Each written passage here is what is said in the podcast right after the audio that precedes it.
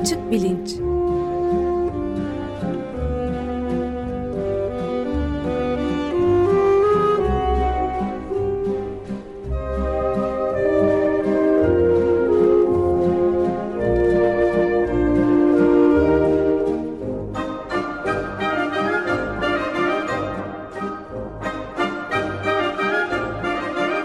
Güven Güzeldere ile bilim ve felsefe sohbetleri. Günaydın Güven Bey, merhabalar. Günaydın Ömer Bey. Günaydın. Günaydın Özdeş. Bugünkü programda Neuralink vaziyetleri, nöro hukuk bu sefer de gene ama Neuralink'e de bağlayacağımız bir şey var. Ee, Bir konu devamı geliyor. Burada herhalde e, şimdi bu konuyu da Ozan Erözden'le konuşacağız. Profesör e, e, Ozan Erözden'le. Hoş geldiniz Ozan Bey. Hoş bulduk, merhaba. Siz tanıtımını yaparsanız sevinirim Güven Bey. Tabii sevinerek hukukçu Profesör Ozan Eröz'den e, MEF Üniversitesi'nde öğretim üyesi. Kendisini daha önce ağırlamıştık. Çünkü e, Ozan Eröz'den Türkiye'de nöro hukuk denilen e, yeni alanın öncüsü. iki sene önce 2018'de bir uluslararası kongre düzenlemişti. Türkiye'deki ilk nöro hukuk kongresiydi. O programın, o kongrenin ardından bir program yapmıştık. Bu kongrenin ikincisi e, birkaç ay önce Ekim ayında gerçekleşti. E, yine uluslararası bir e, kongre çevrim içi olarak e, oldu. E, şimdi biz o bir önceki programda nöro hukuk nedir, nereden çıkmıştır, ne şekilde bir e, açıklama e, avantajı getirebilir e, konularını ele almıştık. O programın kaydı var. Ben e, bu programın e, duyurusunda linkini koydum. E, iki programı birlikte e, dinlemek isteyenler oradan dinleyebilirler. Bugün biraz e, hem nöro hukuk ne durumda, e, bugün nöro hukuk konusunda ne biliyoruz konuşalım istiyorum. Hem e, bu kongrede neler öğrendik, biraz bundan bahsedelim istiyorum.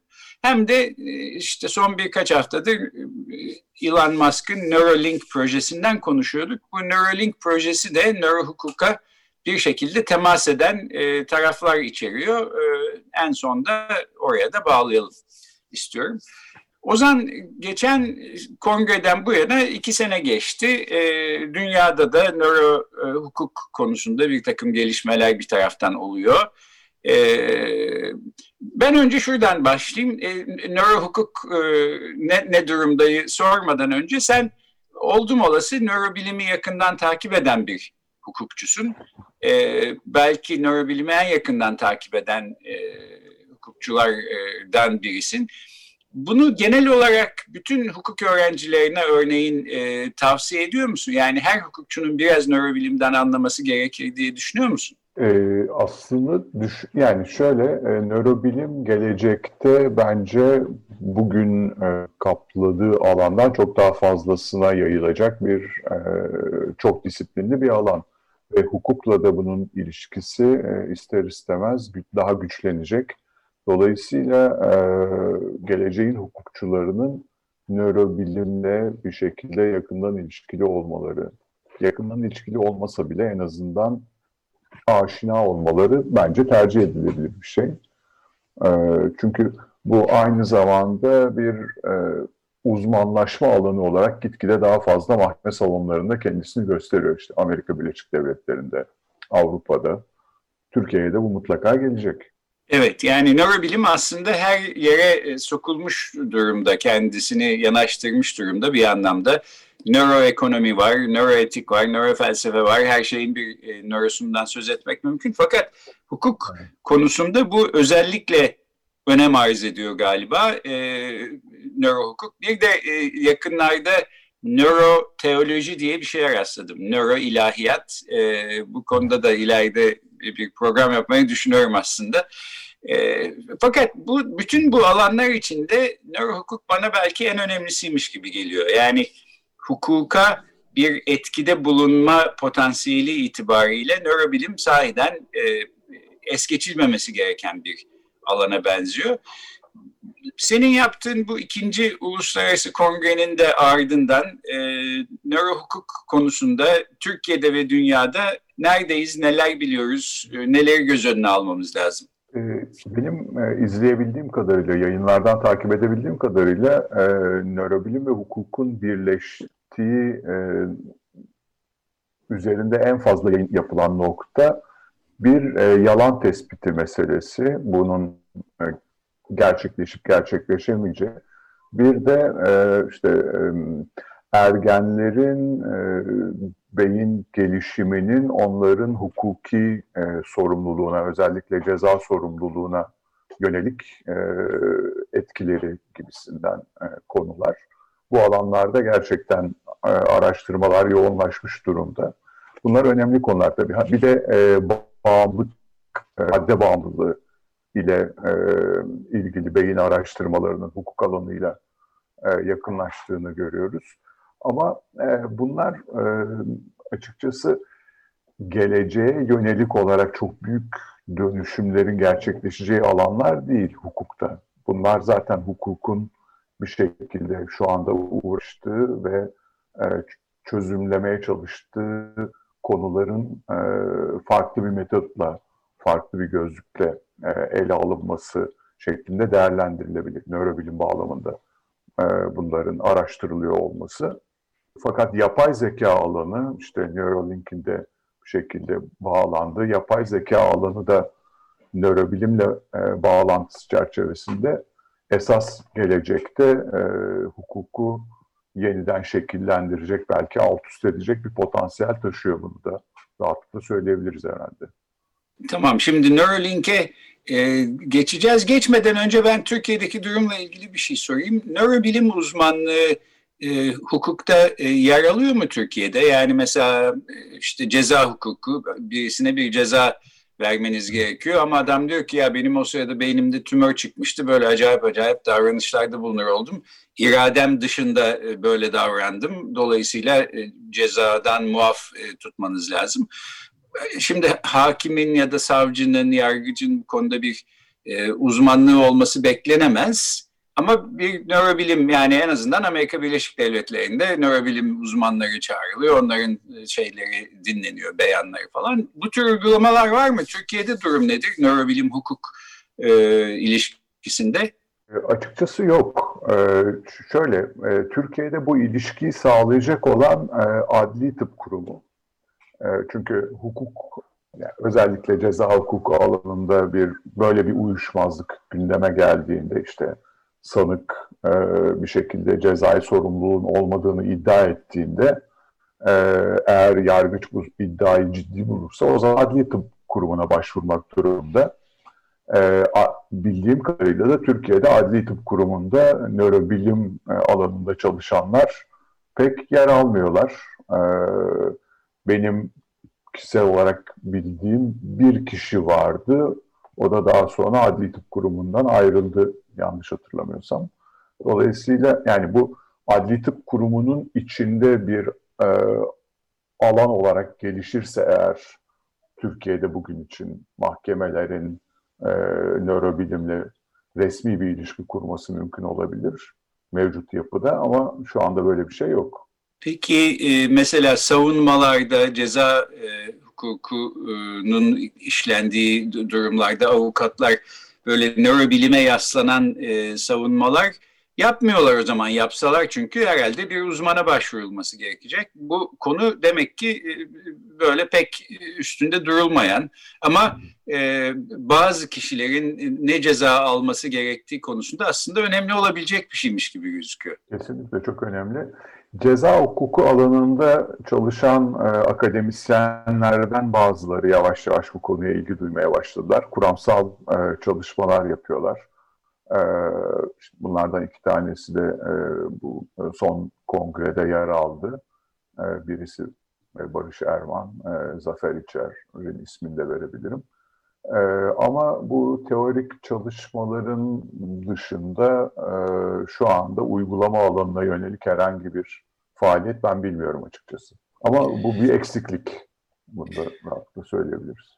Evet ve büyük ihtimalle değişecektir e, zamanla. E, Çünkü ister istemez bazı e, davalarda nörobilim e, ilgili hale gelebiliyor. Bunu en azından ne bileyim Amerika Birleşik Devletleri'ndeki davalarda falan görüyoruz. Bir tanesini de sen anlatmıştın e, önceki programda hatırlıyorum. Bir kişiyi çocuk pornografisine ilgi duymaktan ve işte e, illegal olarak bunları indirip izlemekten falan e, tutukluyorlar. Fakat e, bir beyin tümörü yüzünden adamda bu tür bir davranışların geç bir zamanda çıktığı so, ortaya çıkıyor. Sonra da beyin tümörü e, alındıktan sonra da bu davranışlar sona eriyor. E o zaman herhangi bir kişi gibi herhalde bu kişiyi görmemek e, lazım. Ben en azından savcı olsam ya da hakim olsam ne karar vereceğimi bu burada bilemez bir uzmanın e, fikrini almak isterdim. Nöro hukukta herhalde bu tür e, gerekliliklerin aslında daha da e, büyümesinden e, ortaya çıkıyor ve kendi başına yani hem e, hukuk bilen hem nörobilen insanların bir arada olmasıyla yalnızca hukukçuların, nörobilimcilerden akıl sormaları değil, e, belki birlikte çalışmalar yapmalarını filan da e, sağlayacak bir alan gibi gözüküyor. Nedir nöro hukuk e, hakkında senin 2020 sonu itibariyle değerlendirmen? Kesinlikle katılıyorum. Yani sadece hukuk bilgisiyle e, nörobilim acaba e, ne şekilde bize yardım eder diye sormak konuyu e, tam olarak e, kavrayamamak gibisinden bir sonuç yaratabilir. E, çünkü nörobilimin tam olarak neyi araştırdığını, özel yani davranışsal ve bilişsel nörobilimden tabii ki e, özellikle bahsediyoruz. Bunu tam olarak neyi araştırdığını ve nasıl araştırdığını bilmek son derece e, ufuk açıcı oluyor benim açımdan. E, öyle oldu ve e, yani bu alanda e, özellikle Amerika Birleşik Devletleri'nde gitgide çok sayıda insanın e, bu şekilde bir e, bakış geliştirdiğini, bunun uygulamasını geliştirdiğini görüyoruz.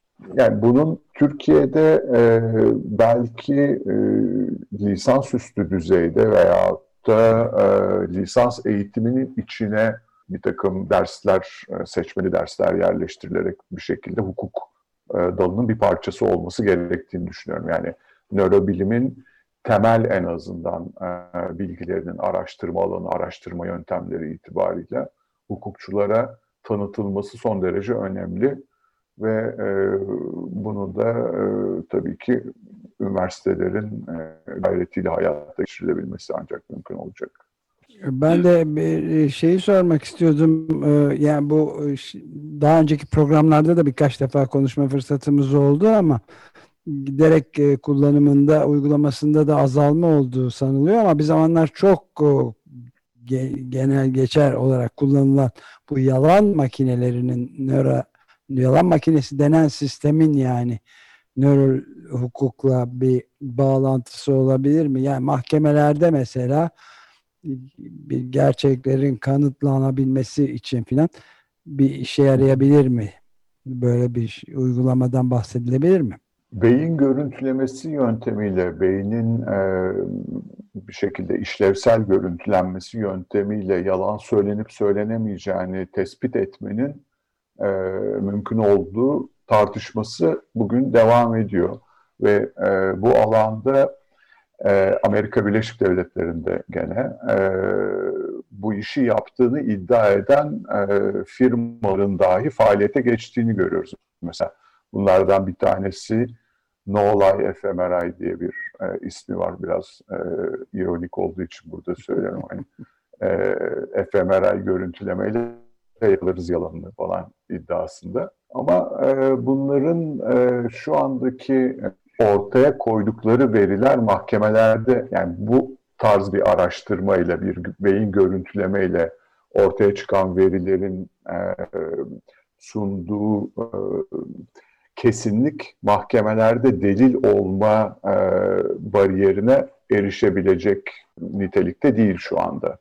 Amerika Birleşik Devletleri'nde yine bunun takım mahkeme salonlarında tartışıldığını görüyoruz. Mesela bir kişi vergi kaçakçılığıyla suçlanıyor. İşte yalan beyanda bulunduğu iddia ediliyor. ben yalan beyanda bulunmadım, hatayen böyle bir beyanda bulundum. Evet söylediğim, beyan ettiğim rakamlar yanlış ama ben bunu kasten yapmadım.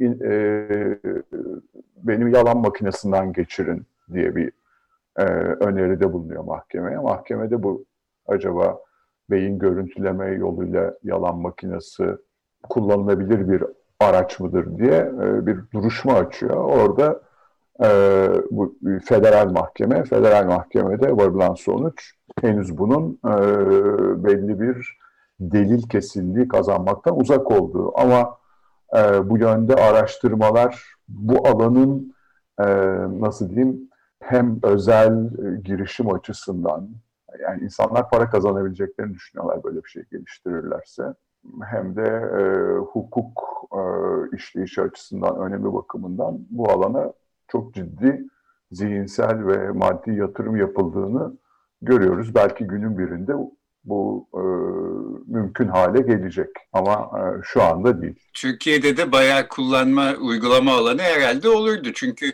e, yüksek makamlara yaranmak için bir şeyler söyleyip sonra yanlış olduğu ortaya çıkınca ya da neyse yanlış bir adım attıklarını düşündüklerinde tornistan etmek zorunda kalan o kadar çok insan oluyor ki benim yani en çok okuduğum cümle gazetelerde belki e, sehven söylenmiş ya da kastını aşan sözler filan. Herkes böyle sürekli kastını aşan sehven bir şeyler yapıyor. Halbuki hiç de tabii öyle değil. E, belki bir yalan makinesi olsa günün birinde e, bunu görür müydük? Görmezdik herhalde çünkü kimse o yalan makinesine girmezdi diye düşünüyorum. Fakat o, onun ötesinde de bir şey oluyor. Mesela bir şey söyleyip video da alındığı halde bir televizyon yayınında kayda alındığı halde ben böyle bir şey söylemedim diyebilen profesörler de gördük son zamanlarda. Dolayısıyla yalan makinesine ihtiyaç da yok zaten. Montaj, e, evet. E, peki şimdi konuyu Neuralink'e e, getirelim. Neuralink e, teknolojileri üç farklı şekilde kullanılabilir ya da kullanılıyor diye e, bahsetmiştik önceki programlarda. Beyine dışarıdan bir müdahale, mesela bu derin beyin stimülasyonu gibi geçen hafta konuştuğumuz veya beynin faaliyetlerinin kodunu çözerek işte oradan bir içerik çıkartmaya çalışma. Bu da bu yalan makinesinin e, bir parçası. E, bu üçüncüsünün hemen herkes tarafından kabul edilebilir bir şekilde gerçekleşmesi bana çok zor gözüküyor doğrusu bu senin bahsettiğin türde birkaç şirketin şeyini izledim e, Ozan ben de bir e, konferansın bir kongrenin bir çalıştayı bu şirketlere ayrılmıştı. E, bunlar yani aslında felaket insanlar. Böyle nörobilimci ilerlerle eski emekli subaylar falan bir yere gelmiş böyle şirketler kurmuşlar ve satmak için mallarını işte biz tamam bu böyle portatif de yapmış yani hemen çantayı açıyorsun adamın kafasına takıyorsun Diyor ki bunu biz çölde de çalıştırırız. İşte Iraklı askeri yakaladın anında 3 dakikada anlarsın yalan mı söylüyor doğru mu söylüyor. Yani aslında yalan. Yalan mı söylüyor doğru mu söylüyor ee, bunu kesinlikle e, anlatabilecek bir teknoloji yok. Ama tabii bunu bu şekilde satmaya çalışıyorlar. Neuralink'in, Neuralink'e dönecek olursak orada bence en gelecek vadeden ve yakın zamanda bir şeyleri değiştirebilecek olan teknoloji bu bir beyin arayüzüyle insanın beyniyle yani beyninden geçenlerle işte düşünceleriyle diyelim neyse genel olarak uyumlu etrafındaki cihazlara komuta edebilmesi. Bir tür hani e, beynin içine yerleştirilmiş bir kumanda aleti gibi bir şey. E, şimdi bu bile aslında e, nöro hukukta önemli değişiklikler yaptırabilir gibi geliyor bana. E, şu sebepten mesela biz genel olarak davranışı okumayı iyi biliyoruz e, insanlar arasında. Yani ben şimdi bir yemekte mesela birisinin üstüne bilerek mi bir bardak suyu döktüm hakaret olsun diye yoksa elim çarptı yanlışlıkla mı döktüm? E, hareket aynı hareket olsa bile bunun ardındaki niyeti işte hepimiz iyi kötü genellikle anlayabiliyoruz, bilebiliyoruz. Çünkü e, davranış okuma konusunda uzmanlaşmış durumdayız e, Neuralink gibi bir teknolojiyle e, eğer bu tür e, işte nesnelere komuta etme dışarıdan gözlenebilen davranışlarla değil de beyinden e, kaynaklanan bir takım sinyallerle olacaksa işte birden orada bir, bir bardak döküldü birisinin üstüne. E, işte ben de, dedim ki ya o sırada aklım karıştı başka bir şey düşünüyordum işte yapmak istememiştim falan. Bunu böyle bir değerlendirmenin e, kıstasları, nesnel e, ölçütleri sanki olmayacakmış. Olmazsa da o zaman ceza hukuku konusunda bunun ciddi sonuçları olabilirmiş gibi geliyor. Benim aklıma gelen Neuralink'in nörohukuka bağlanan e, noktalarından bir tanesi burası ama sen ne dersin genel olarak başka Neuralink ne şekilde e, hukuka temas eder? Evet, yani bu söylediğiniz nokta önemli çünkü özellikle ceza hukuku açısından e, bir davranışın sadece dış dünyadan gözlemlenebiliyor olması yeterli değil bir ceza e, sonucunun ortaya çıkması için, bir suç e, atfının yapılabilmesi için.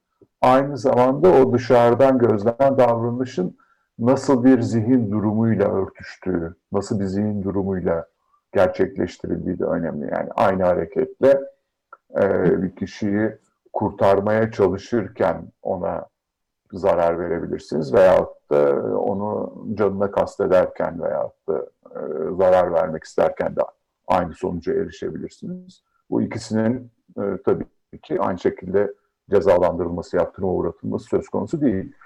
Zihin durumunu nasıl tahmin ediyoruz? Söylediğiniz gibi durumdan çıkarıyoruz. Bir şekilde e, daha önceden edinmiş olduğumuz yargıları kullanıyoruz vesaire. Ha, bu kişi bu davranışı bu niyetle yapmıştır e, diyoruz genellikle. Yargıç da böyle zaten bir karara varıyor. Burada o bağın kopması yani e, dışarıdan gözlemlenebilen sonuçla e, onu ortaya çıkaran niyet arasındaki bağın aynı beden üzerinden gözükmediği için kopması işi biraz e, zorlaştıracaktır. Ama bu eğer bir yerlerde bir kayda e, geçirilebiliyorsa, şimdi Neuralink'in o bağlantıyı e, ana bilgisayar üzerinden yapması halinde diyelim ben mesela ya da bir yerlerden bir şeyin e, aynı zamanda eş zamanlı gözlemlenebiliyor olması halinde belki de bu bağlantıyı kurmak daha kolay hale gelecektir diye de düşünebiliriz. Fakat o zaman tabii e, düşünmekle e, gerçekleştirmek arasındaki e, bağlantının e, kopması, sadece düşüncenin cezalandırı hale gelmesi gibisinde sonuçlar ortaya çıkabilir. Yani, çok temel e, silah bir şey. Var. Amaç. Evet. Buyurun. Evet, yani çok temel bir şey. O zaman önceden e, hukukun en temel meselelerinden bir tanesi gündeme geliyor. Niyet ve gerçekleştirme eylem arasındaki evet. önemli fark. Düşünce suçu yaratmış olabilir. Evet. Tabii o zaman. Evet. Yani e, en basitinden mesela e, şu anda en e, büyük e, dava gruplarından birisi Türkiye'de e, Cumhurbaşkanı hakaret oluşturuyor. E, burada hakaretin e, hangi aşamada gerçekleştiğini e, nasıl e, tespit edeceksiniz? Ağızdan çıktıktan sonra ya da yazıya döküldükten sonra diyebilirsiniz. Fakat düşünce aşamasında bunu e, tespit edip de oradan cezalandırmaya gidilirse durum belki de e, bilim bilmiyorum neyse e, spekülasyon yapmayayım. Evet fakat tabii yani şimdi e, dudakların mühürlü dediniz hiçbir şey söylemiyorsunuz korkudan fakat sürekli aklınıza olmadık düşünceler geliyor. Bunları birisi okuyup bir de kaydediyorsa yandınız yani sehven mehven falan ile kurtulamazsınız. Dolayısıyla e, çeşitli komplikasyonlar e, görüyoruz Türkiye'nin geleceğinde e, bu konuda. Evet. Yani dünyanın geleceğini de belki böyle tarif edebilirsiniz. E, böyle e, distopik e, senaryolar geçmişte de e, romanlara, filmlere konu oldu biliyorsunuz. E, gelecek için de böyle öngörüler hala e, dikkat çekiyor. Hayırlı olmaz öyle Peki şunu söyleyerek bitirelim. Bu nöro hukuk e, kongreleri devam edecek galiba değil mi? Yani ikisi e, oldu şimdiye kadar iki yıl arayla. Bundan sonra da sürdürmek e, niyetindesin. Evet, iki yılda bir e, periyotlarla e, tekrarlamayı düşünüyoruz. E, bu e, yılki kongre özgür irade konusunda e, yoğunlaşmıştı. Gelecek yıllarda da yine böyle tematik olarak devam etmeyi planlıyoruz. Tamam biz de program e, devam ediyorsa buradan duyururuz. Kongrelerden sonra da e, seni konuk alırız. konuşuruz. E, peki böylece kapatalım mı programı? Özdeş Ömer Bey sizin başka bir sorunuz yoksa? Ee, yok Benim yani de yok. aydınlatıcıydı yani. Ve ürkütücü. Peki gözümüz üstünde takip ediyoruz en azından. Ee, Evet, nöro ederim. hukuk alanının öncüsü e, hukukçu Profesör Ozan Eröz'den e, konuğumuz oldu. Neuralink e, meselesinde nöro hukukla ne şekilde ilişkilendirilebilir e, diye de e, konuştuk. Bu Neuralink teması üzerinden birkaç program daha e, yapacağız. Herkese iyi haftalar diliyorum. Hoşçakalın. Görüşmek Çok üzere. teşekkürler. Hoşçakalın.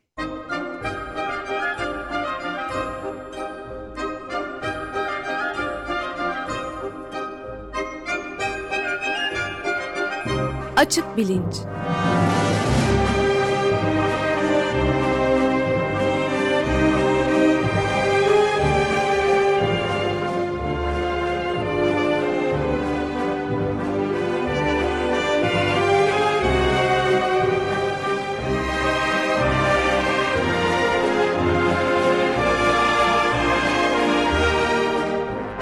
Güven Güzeldere ile bilim ve felsefe sohbetleri.